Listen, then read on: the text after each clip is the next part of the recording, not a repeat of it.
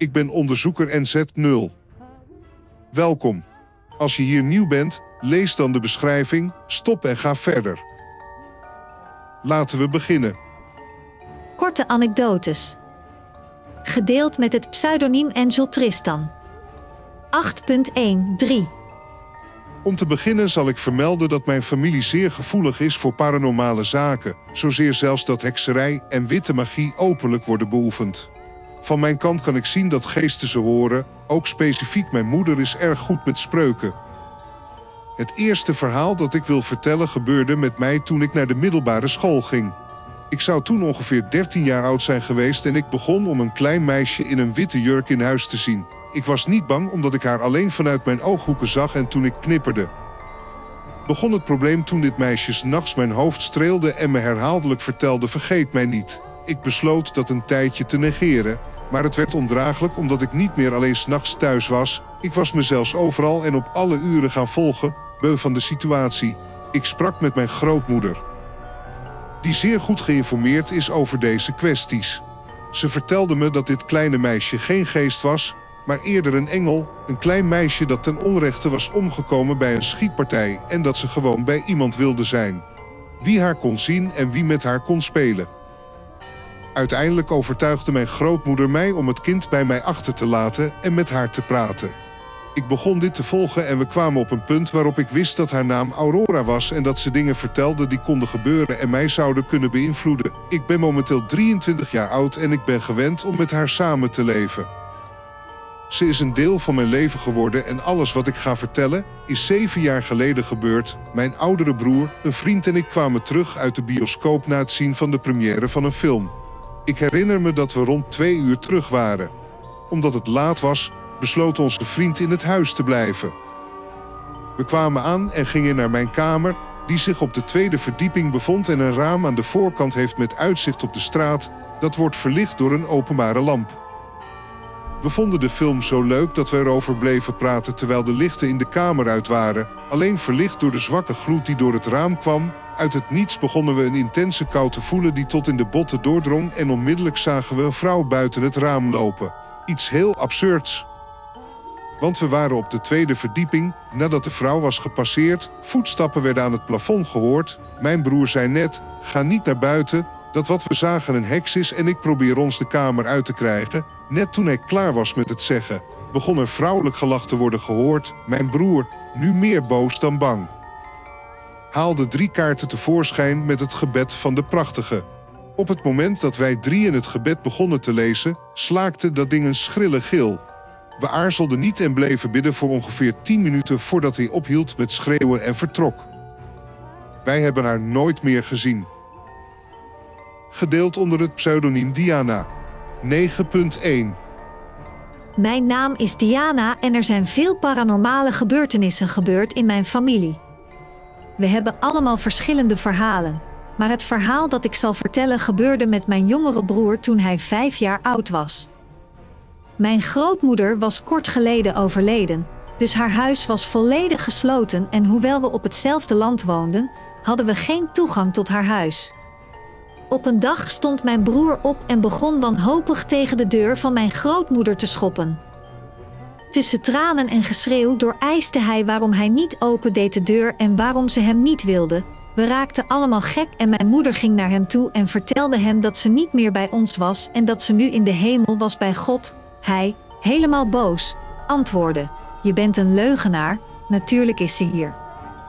Na een tijdje ruzie vroeg mijn moeder hem waarom hij daar zo zeker van was en zij vertelde het hem. Gisteravond sprak hij tegen mij en zei: Zoon, ik heb honger, serveer mij een banaan met bonen. Daarom serveerde ik hem een bord en nam het mee naar zijn slaapkamer en liet het op de tafel naast zijn bed liggen.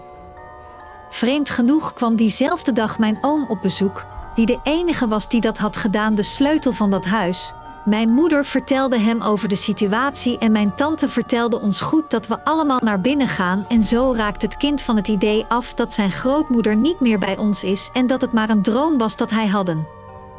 We gingen allemaal het huis van mijn grootmoeder binnen en mijn broer reed ons precies naar de plek waar het bord stond dat hij de avond ervoor had achtergelaten. Mijn moeder gaf hem de vinger met verse bonen. We waren allemaal verrast en een beetje bang, aangezien duidelijk daar. Het was onmogelijk dat mijn broer het huis zou zijn binnengekomen en zomaar dat bord zou hebben achtergelaten. Absoluut een vrij zeldzame ervaring. Heel erg bedankt voor het luisteren naar mijn verhaal. Gedeeld met het pseudoniem Oscar Bermudez. 8. Het was oktober 2016. Ik was alleen omdat mijn ouders en mijn broers en zussen het huis een paar dagen hadden verlaten. Het zou ongeveer 30 minuten voor middernacht zijn. Ik deed alle lichten in mijn kamer uit en ging liggen toen ik vijf minuten hoorde er wordt op de deur geklopt. Ik ben meteen naar buiten gegaan om te kijken wie het was en ik dacht dat het mijn ouders waren, dat ze waren gearriveerd. Maar dat was niet zo. Ik ging weer naar bed en toen klopte ze aan, maar deze keer in mijn kamer. Het kostte me een tijdje om tot een besluit te komen en uiteindelijk stond ik op. Maar terwijl ik dat deed, trok er een heel donkere schaduw voorbij, heel dicht bij de bovendorpel van mijn deur, wat me een absolute rilling bezorgde die me kippenvel bezorgde. Ging naar bed en er gingen ongeveer 20 minuten voorbij toen plotseling een zwarte kat met witte vlekken aan mijn raam begon te krabben.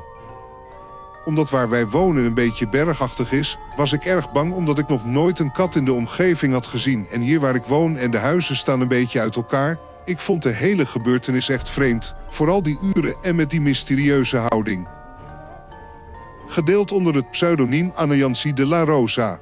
6.28 Dit overkwam mijn man toen we nog aan het daten waren. Het was ongeveer 15 jaar geleden in de maand oktober en ik was ongeveer 17. We woonden in aparte dorpen en hij ging elke derde dag naar me toe. Bij een van die gelegenheden werd het een beetje donker, dus nam hij afscheid en vertrok. Maar het bleek dat, aangezien het maisseizoen was, mijn moeder hem zei wat mee te nemen. Dus stopte hij ze in zijn rugzak, nam afscheid en vertrok. Ongeveer drie minuten nadat hij ging de weg op, we hoorden de ademhaling van een opgewonden persoon. Het leek erop dat hij wilde schreeuwen, maar dat kon hij niet. Dus renden we naar buiten en hij was het, mijn vriend. Hij was helemaal bang, stond op het punt flauw te vallen. Ik rende naar hem en vroeg hem wat er aan de hand was of wat er met hem aan de hand was, maar hij kon niet praten. We namen hem mee naar de slaapkamer en wachten tot hij wat kalmeerde.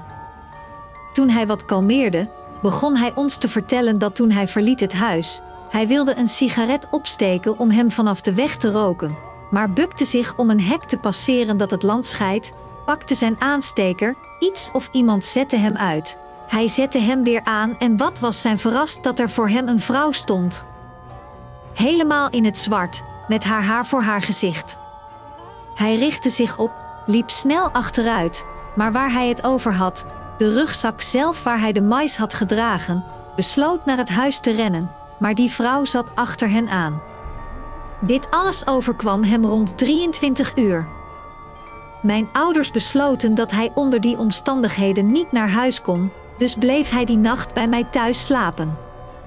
We zijn nu acht jaar getrouwd en we vragen ons nog steeds af wat dat was. Maar hij houdt niet van om er veel over te praten, omdat hij zegt dat wanneer hij eraan terugdenkt, hij een enorme angst krijgt omdat hij zegt dat het iets is dat hij nooit zal vergeten. Gedeeld met het pseudoniem Diego Angel.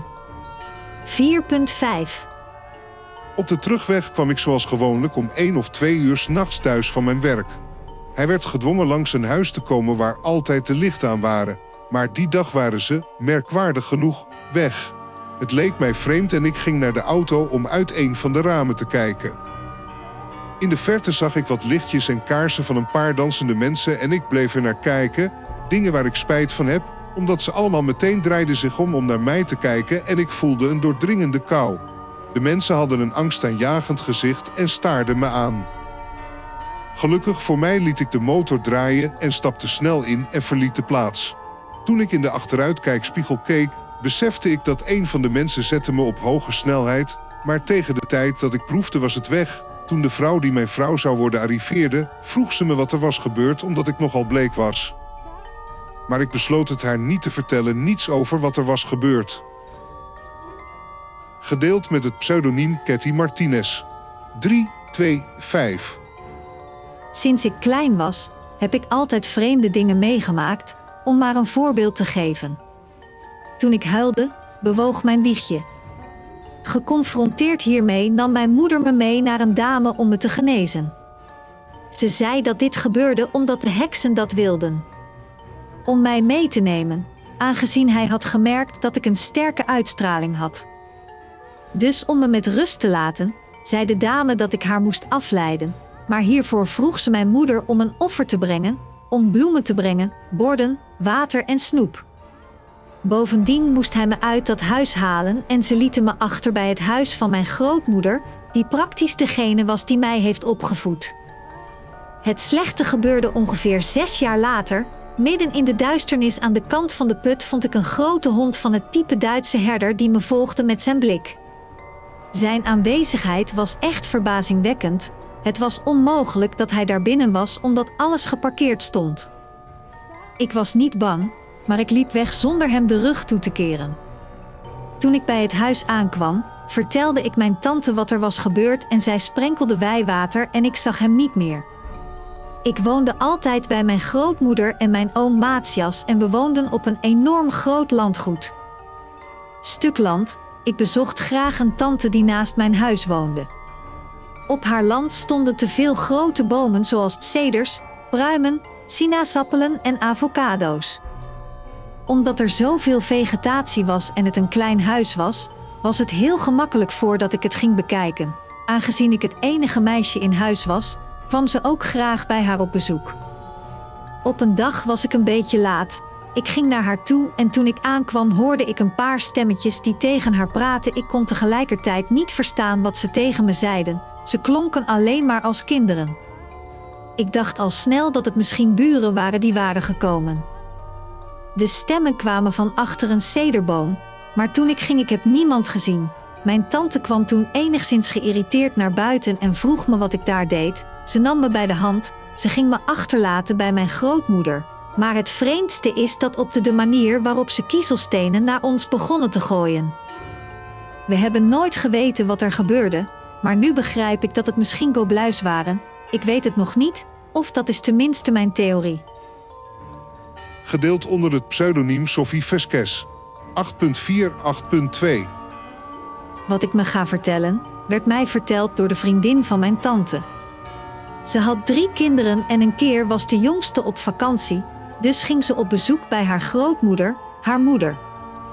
De dagen dat ze aankwam ging ze mee haar vrienden om te vissen en toen ze in de rivier waren, zagen alle jongens een schaduw aan de andere kant van de stroom. Ze begonnen te schreeuwen omdat de schaduw hun kant op kwam, ze begonnen te rennen, maar hun zoon was het shirt vergeten en toen hij probeerde terug te komen. Stond de schaduw daar aan de zijkant, dus het was duidelijk niet voor haar. Die dag keerde ze terug naar huis en vertelde haar moeder wat er was gebeurd en ze vertelde haar dat er niets zou gebeuren. Die nacht ze kon niet slapen, omdat ze zei dat de schaduw van de rivier in haar kamer was. De volgende dag was ze haar huis uit en een jongen die haar vriend was, kwam en bood haar aan om naar een andere stad te gaan. Dat is ongeveer twee uur van daar weg op een motorfiets dat ze diezelfde dag terug zouden komen, wat hij accepteerde. Maar toen ze terugkwamen, kregen ze helaas een ongeluk en viel hij in een ravijn voordat zijn moeder van het ongeluk hoorde. Ze hoorde haar zoon binnenkomen het huis, ging de trap op en volgde hem zelfs om hem te bellen, maar er was niemand.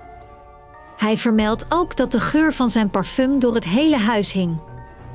Na een tijdje kwam de vader van de vriend haar vertellen dat zijn zoon een ongeluk had gehad, dat hij was overleden. Ze kon het niet geloven omdat ze de aanwezigheid in haar huis had gevoeld en ze heeft ook gezworen dat ze het had gehoord.